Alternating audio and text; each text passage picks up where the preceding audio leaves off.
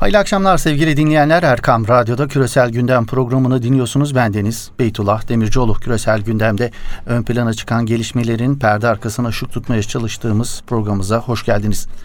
Barış Pınarı Harekatı hem iç hem dış politika gündeminin hatta küresel gündemin bir numaralı konusu olmayı sürdürüyor. 9 Ekim çarşamba günü başlayan Barış Pınarı Harekatı 7. gününde.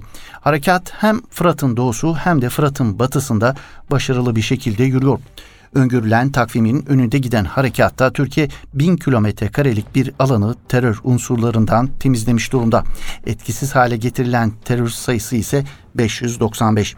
Türk Silahlı Kuvvetleri'nin Suriye Milli Ordusu ile Fırat'ın doğusuna yönelik Barış Pınarı harekatını başarıyla devam ettirirken PKK-YPG'li teröristler ise bölgedeki yerel halkın sivil kıyafetlerini giyerek kaçıyorlar sevgili dinleyenler. Terör örgütünün ayrıca Türk Silahlı Kuvvetleri'nin envanterindekilere benzer nitelikteki bazı silahlarla sivillere yönelik saldırılar düzenleyerek uluslararası kamuoyunu yanıtmaya amaçladığı da belirlendi.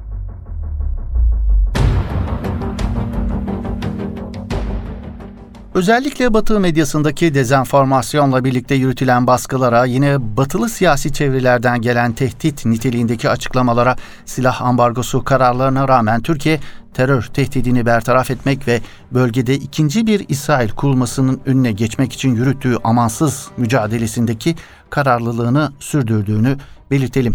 Barış Pınarı Harekatı sebebiyle Türkiye'ye yönelik son tehdit Birleşmiş Milletler İnsan Hakları Ofisi'nden geldi. BM İnsan Hakları Ofisi'nden yapılan açıklamada PYD PKK terör unsurları kastedilerek Türkiye Suriye'deki Kürt savaşçıların ve politikacıların ölümünden uluslararası hukuka bağlı olarak sorumlu tutulabilir denildi. Açıklamada ayrıca sosyal medyada yayınlanan videolardaki infaz görüntüleriyle ilgili bilgi toplandığı, Türkiye'de olası savaş suçları için bağımsız soruşturmalar yürütme çağrısında bulunuldu. BM İnsan Hakları Ofisi'nden yapılan açıklamada sevgili dinleyenler.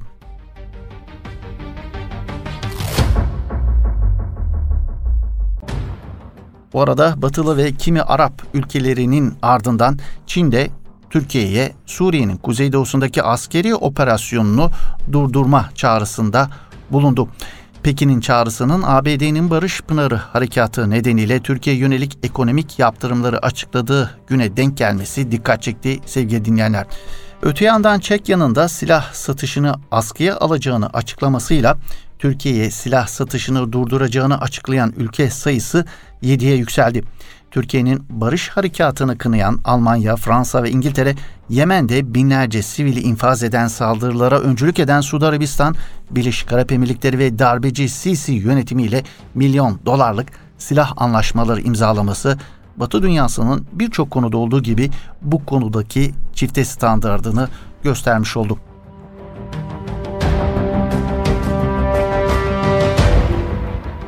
Öte yandan Batı basınının karalamak kampanyaları sürüyor. Barış Pınarı harekatını işgal harekatı şeklinde sunan Batı medyası PYD ve PKK'nın adını hiç zikretmiyor. Zikrettikleri zaman ise Türkiye tarafından terör örgütü olarak görülen örgütler şeklinde bir tanımlamayı kullanmayı özellikle tercih ediyor Batı medyası. Oysa ki PYD'yi finanse eden ve silah desteği sağlayan ABD'nin Merkezi İstihbarat Teşkilatı önceki gün yayınladığı Suriye raporunda PYD'nin illegal bir yapı olduğunu duyurmuştu. CIA'nin resmi sitesi Suriye ilgili hazırladığı raporda Suriye'nin kuzeyinde bir süredir varlıklarını sürdüren 16 Kürt örgütünü illegal yapı olarak tanımladı. PYD'yi de bu illegal yapılar arasında 9. sırada gösterdi CIA.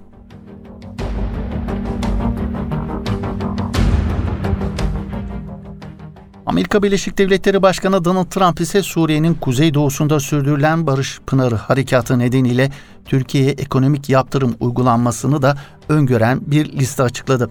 Trump'ın Twitter hesabından duyurduğu ve Suriye'nin istikrarsızlaşmasında katkısı olduğunu öne sürülen kişi ve kurumlara yönelik uygulamaya koyacağı yaptırımlar arasında Türkiye'nin eski ve mevcut hükümet yöneticilerinin ABD'deki mal varlıklarının dondurulması, el konulması, çelik ithalatı için gümrük vergisinin %50'ye çıkarılması ve bunun Mayıs ayından geçerli olmak üzere yürürlüğe girmesi gibi maddeleri ihtiva ediyor ABD'nin yaptırım listesi.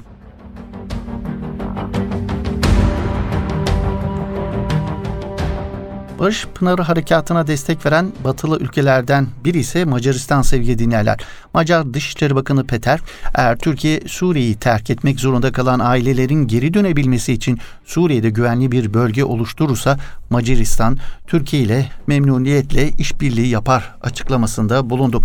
Sahadaki gelişmeler arasında en dikkat çekeni ise ABD askerlerinin Münbiç'ten çekildiğinin açıklanması oldu.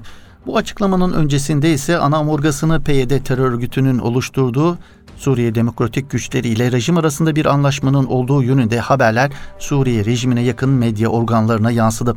Ardından da Rus Savunma Bakanlığı Esed rejiminin Münbiç'i tamamen kontrol altına alarak Kuzeybatı'da devriye faaliyetlerine başladığını açıklaması dikkat çeken haberler arasındaydı.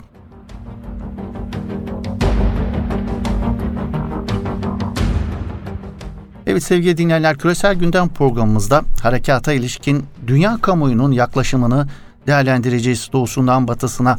Harekata ilişkin yoğun tepkinin sebeplerini sorgulayacağız.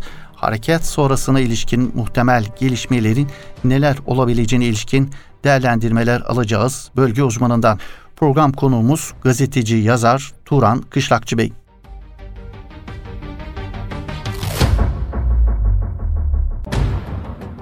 Turan Bey, merhabalar efendim. Programımıza hoş geldiniz. Ee, barış harekatını konuşuyoruz e, küresel gündem programımızda. Harekat tüm hızıyla devam ediyor. Yalnız e, doğusundan batısına harekata ilişkin çok sert eleştiriler geliyor. Buna en son Çin de katıldı. Siz bu tepkilerin gerekçesini neye bağlıyorsunuz? Bu kadar geniş bir çevrenin Türkiye karşıtlığında birleşmesi sadece Türkiye'nin kamu diplomasisindeki yetersizliğiyle izah etmek mümkün mü yoksa bunun arkasında başka nedenleri de aramak mümkün mü? Ne dersiniz?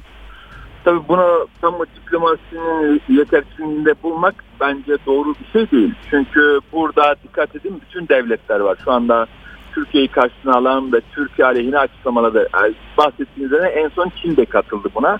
Peki neden Fransa, neden Almanya, neden Çin, neden Amerika, neden İngiltere, neden birçok ülke sayabilirsiniz. Bunlar evet. neden Türkiye'nin bu operasyona karşı çıkıyor? Bunlar ki Esed rejimi bu kadar katliam yaptı 8-9 yıldır. Bu kadar milyonlarca insanı katletti. Yüz binlerce insan bugün hapiste. Milyonlarca insan bir bölgeden başka bir bölgeye tehkir edildi. Milyonlarca insan bugün farklı ülkelerde yaşıyor. Bu bahsettiğimiz bu ülkeler güya insan hakları çerçevesinde sözde e, çıkıp şu anda Türkiye eleştiren bu ülkeler. Peki bugüne kadar neden seslerini bu kadar gür çıkarmadılar da Türkiye'nin oraya bu terör örgütlerini durdurmaya yönelik operasyonu bunları çileden çıkardı. Evet. Şimdi bunu bir kere bunu sormak lazım. Birinci soru bu. İkincisi Suriye Orta Doğu'nun kapısı. Suriye'de etkin olan bir ülke bütün Orta Doğu'da etkindir. Suriye e, bu gitmişten beri böyle ta Firavunlar döneminde alın bugüne kadar Suriye Orta Doğu'nun kapısı olarak görülmüştür. Napolyon bile Mısır'ı, Orta Doğu'yu, Arap dünyasını almak istiyorsanız Mısır bunun kapasıdır diyordu. Evet. Daha birçok isim sayabiliriz. Burada Suriye'nin önemli bilmek lazım. Çok önemli merkezlerden bir tanesi. Üçüncüsü Akdeniz'de bulunan doğal gaz rezervi ki bütün dünyanın gözü bu doğal gaz rezervinde ve bugün hepimiz artık medyadan da öğrendik. 80-90'a yakın ülkenin bugün savaş gemisi Akdeniz'de. Bu savaş gemileri Akdeniz'de ne arıyor diye sorduğumuzda cevap şu elbette ki bu ülkeler buranın doğal herkes doğal gazdan bir pay almak istiyor. Peki bu ülkelerin Türkiye, Suriye ile Akdeniz'de sınırları var mı? 4 ülke dışında hiçbir ülkenin Akdeniz'de bir deniz bağı yok. Peki bu ülkeler burada ne arıyor? Savaş gemileri Akdeniz'de. Dördüncüsü bu Akdeniz'de savaş gemileri olan ülkeler 80-90 ülkeden bahsediyoruz. Aynı zamanda Suriye ve Kıbrıs üzerinde de tahakküm kurmak ve orada yer edilmek istiyor. Çünkü sadece savaş gemileriyle orada durmanız imkansız. Bunun için sizin karaya da ihtiyacınız var. Bundan dolayı bakıyoruz ki birçok ülke Kıbrıs topraklarında ve aynı zamanda Suriye'de ve Lübnan'da toprak edinip orada Akdeniz üzerinde kendi payı için mücadele etmek istiyor. Evet. Bunları da bir araya getirelim. İşte kaç gündür biz şunu konuşuyoruz. Suriye'de olan ülkelerden işte kim var? Rusya var. Büyük bir yer aldı. Kuzey Kore var. Kuzey Kore'nin bugün limanı var Suriye'de. İşte Amerika'dan bahsediyoruz. işte birçok ülkeden bugün İngiltere açıklama yaptı. Biz de askerlerimizi çekiyoruz. Aa zahiren bakıyoruz. Amerika İngiltere'nin böyle bir askeri gücü yoksa hani e, Almanya'nın askeri gücü var. Fransa'nın var. Fransa çok sert açıklamalar yapıyor. Neden? Çünkü burası bizim diyor. Evet. Şimdi bunları bir yana bırakalım. Şimdi Kuzey Suriye dediğimiz bölgeye gelir. Evet. Kuzey Suriye ile ilgili şimdi burada e, PYD, PKK, e, YPG'nin tahakkümü var. Fakat şunu sormak lazım. Arap Birliği bu kadar sert açıklama yapan Arap Birliği bu topraklar kimin diyor? Bu topraklar Arap toprağıdır diyor. Hı hı. Arapların. PYD bu topraklar bizimdir diyor. Peki niye sizin bu topraklar diye sorduğunda işte işte burada belli bir Kürt nüfus var. Bundan dolayı bu topraklar bizim diyor. Esed rejimi bizim diyor. Amerika orada tahakküm bizim diyor. Rusya diyor hayır orası Esed rejimindir biz orayı alacağız diyor. Fransızlar hayır o topraklar Sykes-Picot anlaşmasına göre Kuzey Suriye ve Suriye bizimdir diyor. Evet. Şimdi herkes bir iddiada bulunuyor. İsrail diyor ki hayır diyor topraklar bizim Kuzey Suriye çünkü biz diyor ku Fırat nehrinin kenarı etrafı Tev, e, Tevrat'a göre bize vaat edilmiştir. Nil nehrinden ta Fırat'a kadar İsrail bayrağındaki o iki mavi şerit de biri Fırat'ı temsil eder, biri Nil'i temsil eder. İsrail'de dikkat edin onların da çok ağır tepkiler çıktı Türkiye'ye karşı bu anlamda. Çünkü neden? Çünkü o İsrail'in o bir bayrağındaki o Fırat Nehri kenarını kendi, o Türkiye oraya girmiş oldu. E peki PYD, PYD'deyken siz niye sesinizi çıkarmıyordunuz? Çünkü e, şimdi İsrail basına bakıyorsunuz şöyle diyorlar. PYD'yken biziz, onları tutan biziz. Onlar bizim için bu toprakların koruyucularıdır diyorlar. Evet. Yahudilerin büyük hizmetçileridir diyorlar. Siyonizme büyük hizmet eden bir e, silahlı örgüttür diyor. Evet. Şimdi bunlar hepsini topladığınızda Türkiye'nin aslında büyük bir oyunu bozduğunu çok bariz bir şekilde görüyoruz. Hı hı. Ve Türkiye burada büyük bir oyunu bozdu. Ve Evet. burada kamu diplomasinin zayıflığından çok bütün ülkelerin bu konuda koyduğu tavırdan. Çünkü hepsinin çıkarlarına Türkiye aslında bir çekmek vurdu diyebiliriz. Yani Evet. Bir, müdahalede bulundu diyebiliriz kısaca yani. Turan Bey şimdi Arap Birliği'nden gelen tepkilere ayrı bir parantez e, açmak istiyoruz. Arap rejimlerinin bir terör örgütüne destek vermesinin arkasında sizce mevcut konjöktürel sebeplerin ötesinde tarihi kodların etkisinin olduğunu söylemek mümkün mü? E, tabii tarih kodlarının bir etkisi var onu bahsedeceğim ama şu var birinci, e, birinci olarak şunu bilmek lazım. Bu Arap liderleri dediğimiz adamların birçoğu Fransızların ve batılı güçlerin denetimindeki olan liderler. Artık açık bir şekilde bunu konuşmak lazım. Çünkü son yıllarda yaptıkları yenilir yutulur değil. Hadi İslami anlamda değil, insani anlamda değil. Arap toplumlara bile yaptıkları büyük bir haksızlık var. Arap toplumlarını katletmeye yönelik adamların oynadığı oyun tamamen Siyonizme ve emperyalizme hizmet ediyor. Ki birçok Arap aydın ve düşünür bu Arap liderler için şöyle Siyonist Araplar ifadesini kullanır. Evet. Arab Sahayine diye bir e, kavram geliştirdiler. Arap şu anda bu Türkiye'ye karşı çıkanların çoğu Arap halkları tarafından Siyonist Araplar diye ifade edilen insanlar. Evet. Şimdi asıl sorunuza gelelim. Şimdi 100 yıl önce bu coğrafyada Osmanlı'yı böyle bölmek için büyük bir oyun oynandı ve bu oyun çerçevesinde bu coğrafya bölündü.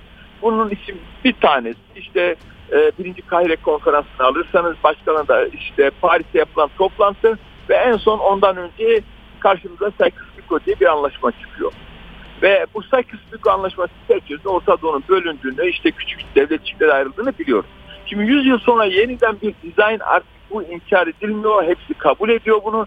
Kimisi Sykes-Picot kalsın diyor, kimisi bozulsun diyor. Ama bozulurken de Arapların ve Müslüman toplumların birliği değil de onların yeniden bölünmesine yönelik bir çaba bu. Ve bu konuda büyük çaba ve e, çaba sarf ediyorlar. Batılılar ve bu bütün devletler bu konuda neredeyse ittifak etmiş durumdalar bu konuda. Evet. Benim korkum şu. Şimdi Arap milliyetçiliği bu coğrafyada açık bir şekilde söylemek lazım. Bütün ideolojiler çöktü, dini ideolojiler dahi, İslamcılık dahi buna. Sosyalist ideoloji çöktü, milliyetçi ideolojiler çöktü, liberal ideolojiler çöktü. Hemen hemen bütün İslamcılık dahi bütün ideolojiler çöktü Arap dünyasında. Arap dünyasında artık halklar için bir umut olabilecek ideoloji kalmadı. Araplar kendi işleri, halklar kendi işini kendisi görüyor. Bu Arap Baharı da aslında halkların bir ideolojisi, artık ideolojilerden bıkmış kendi geleceğini çalan liderlere yönelik halkın bir tepkisiydi. Bu çerçevede bir tepki göstermişti halk ve Arap milliyetçiliği de bu tepkinin yanı sıra şunu vurgulamak istiyorum. 100 yıl önce Arap milliyetçiliği köken 1970'lerde 80'lerde İsrail tarafından çıkan Arap milliyetçiliği e, Osmanlı karşıtlığı olarak doğmuştur. Ve bunu doğuran sebepler de İngilizlerin oynadığı büyük oyunlardı. Ve Araplara hep Osmanlı'yı şöyle tanıttılar. Osmanlı orada sömürge. O Osmanlı'sını sömürdü. Fakat Osmanlı tarihini bilenler ve İngilizlerin ve Fransızların Araplara karşı yaptıklarını görenler şunu çok iyi biliyor ki Osmanlı'nın böyle bir şeyin e, sömürgecilik bir ruhunun olmadığını orayı bir dakika ihya ettiğini fakat Fransızların ve İngilizlerin 100 yılda bu topraklarda neler yaptığını hepimiz biliyoruz. Artık bunu bence Osmanlı sömürgeci miydi bu ifadeyi artık Arapların yüzüne vurmak lazım. 100 yıldır İngilizlerin Fransızların size yaptığı zulmü, katliamları hadi bunun İslam Osmanlı tarihinden bir tane örnek gösterin. Böyle bir şey var mı diye. Evet. Ben de gösteremeyeceklerdi. Sadece korkum şu. 100 yıl önce Arap milliyetçiliği Osmanlı karşıtlığıyla doğdu. Şimdi 100 yıl sonra e, köken ideolojiler karşısında Arap rejimleri yeniden Arap milliyetçiliği ihya peşindeler. Fakat bu Arap milliyetçiliği ihya peşinde koşarken e, bir düşmana ihtiyaçları var. İngilizleri, Amerika'yı, Fransa'yı bu anlamda yapmaları imkansız. Yani hani bu Arap yani şudur diyebilmek yani hani bunlar neden Fransa İngilizleri almıyor diyemeyiz. Tekrar yeniden Türkiye üzerinden böyle bir şey yapabilirler. Yani yeniden Türkler ve Osmanlı üzerinden bakın işte Suriye'yi alıyor, şurayı alıyor diye bir milliyetçilik tohumlarını yeşertmek için böyle bir oyun gidiyorlar. Bu oyuna dikkat etmek lazım ve bu oyunu da bozmak lazım. Evet, evet. da büyük bir oyunu bozuyoruz. Fakat düşünsel olarak da bu Arap coğrafyasında birilerine oynattığı Fransızların, İngilizlerin Arap satılmış Arap liderleriyle birlikte oynadığı oyuna da dikkat etmek gerekiyor. Evet. Yeniden Barış Pınarı Harekatı'nın muhtemel sonuçlarına gelinecek olursa öyle gözüküyor ki askeri anlamda Türkiye belirlediği hedeflere ulaşmak için çok beklemeyecek. Öyle gözüküyor. Gidişat onu gösteriyor. Bundan sonraki süreçte Suriye'nin toprak bütünlüğünü savunan aktörlerle Suriye'yi bölmeye çalışan aktörlerin atacağı adımları ilişkin neler beklenebilir? Yani daha gelen anlamda harekat sonrası Suriye'nin kuzeyini neler bekliyor Turan Bey? Bakın eğer Türkiye bu müdahalede bulunmasaydı Suriye'de barışı bin yıl beklerdik. Belki yüz yıl beklerdik. Çünkü Akdeniz'de paylaşım olmadığı müddetçe Suriye'de bir barışın yapılması imkansız. Orada birçok devlet var. Bakın Kuzey Kore bile bugün burada limanı var. Artık düşünebiliyor musunuz? Bütün ülkeler burada e, konuşlanmış durumda. Türkiye bu hamleyi yaparak aslında barışın tekrar Suriye'de barışın önünü açtı. Masaya oturmak zorundasınız dedi. Ve bunları şu anda bütün bu ülkeleri buna zorladı. Çünkü onlar kendi oyunlarını oynayacaklardı. Türkiye müdahale etmeyecekti. Kendi bütün pisliklerini bu Suriye'de ortaya koyacak ve Suriye halkını yeniden bir katliamın eşine götürecekler. Ufukta bir barış yoktu. Gözükmüyordu. Türkiye'nin şimdi buraya müdahalesi mecburen bu ülkeleri masaya oturtacak ve Suriye'nin geleceğiyle ilgili konuşma itecek. Türkiye bunu yaptı. Zaten bundan dolayı da Barış Pınarı denilmesi ana sebeplerinden bir tanesi bu. Burada barışın ana nüvesi ortaya konuldu diyebiliriz. Evet. Şimdi Barış Pınarı harekatına en çok tepki gösterenler malum Amerika'daki Yahudi lobisi, evangelikler, İsrail, ABD'li senatör Graham harekatı İsrail'in güvenliği için e, kabusa dönüşecek tarzında bir tespitte bulundu. Neden böyle bir değerlendirmede bulundu? Hem İran hem Esed rejiminin karşı çıktığı harekatta e, İsrail açısından da bu denli riskli ve hayati görülmesinin sebebi yani üç tane farklı zıt grubun birleşmesi bu konuda oldukça enteresan geliyor. Evet. Şimdi hepimiz şuna, şunu biliyoruz ki son 20 yıldır özellikle Irak işgalinden beri Neokon diye bir sayfa var. Bugün Amerikan siyasetini esir almış durumda. Hatta Trump'ı da esir almış durumdalar. E, bunlar aynı zamanda evangelistler. Bu evangelistler siyasette çok aktifler Amerika'da ve bunlar bunu söylerken hani orada büyük bir olay olacak bunu öngördükleri için değil. Bunların bilinçaltında teolojik e, Tevrat ve İncil'den hareketle teolojik bilinçaltılarının harekete geçmesi bu. Nedir bu? Tevrat ve İncil'e göre bu coğrafyada Armageddon olacak Filistin topraklarında ve bunun ana şeyi Suriye'de başlayacak. Tarih ne? 2023. Bu evangelist Ve Melkon takıma göre 2023'te işte Suriye'de büyük olaylar olacak, büyük katliamlar olacak ve büyük bir savaş tetiklenecek. Şimdi bu akılla hareket eden bir dünya liderlerinden, siyasetçilerinden, politikacılarından bahsediyoruz. Bunlar bunu söylerken bu bilinçaltıyla hani olmasa bile biz yaratmalıyız, Tanrı'yı kıyamete zorlamalıyız. Artık bir şeyler olmalı. Bu düşüncede olan insanlardan bahsediyoruz. Dünyanın artık bu politikacılardan kurtulması lazım. Yoksa dünyayı hakikaten bunlar büyük bir cehenneme çevirecekler. Bak hiç Suriye'de, ufukta artık savaş bitmiş, insanlar yılmış, barış isterken adamlar kıyametten bahsediyorlar. Büyük savaşlar olmasından. Bu nereden kaynaklanıyor? Tamamen o geri zekalı bilinçaltılarında oluşan bunların o teolojik yapıdan kaynaklanıyor. Ki İsrail bunun öncülüğünü yapıyor zaten. Evet Turan Bey çok teşekkür ediyoruz bu değerli katkılarınızdan dolayı. Ben teşekkür ederim.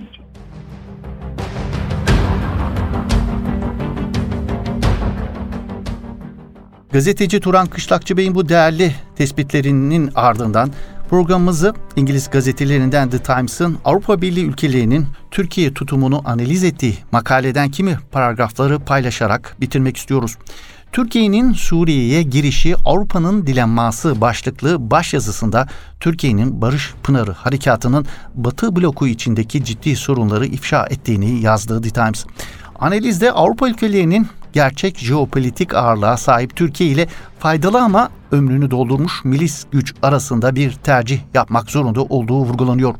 The Times'ın analizinde Türkiye'nin başta Almanya olmak üzere Avrupa ülkeleri karşısında net tavır aldığı ve kendisini savunma hakkından vazgeçmeyeceğini gösterdiği belirtilerek Avrupa Türkiye'yi tatmin ederken kendi vicdanı da rahatlatacak bir pozisyon bulmak için kıvranıyor.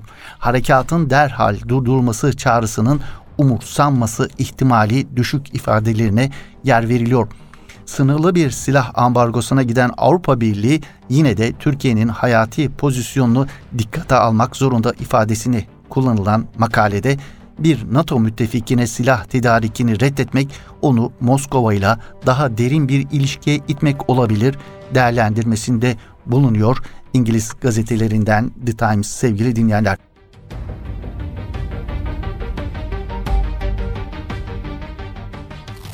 Evet The Times'in analizinden aktardığımız bu cümlelerle bugünkü küresel gündem programımızın böylelikle sonuna gelmiş bulunuyoruz. Yeni bir küresel gündem programında buluşmak ümidiyle. Hoşçakalın, iyi akşamlar efendim.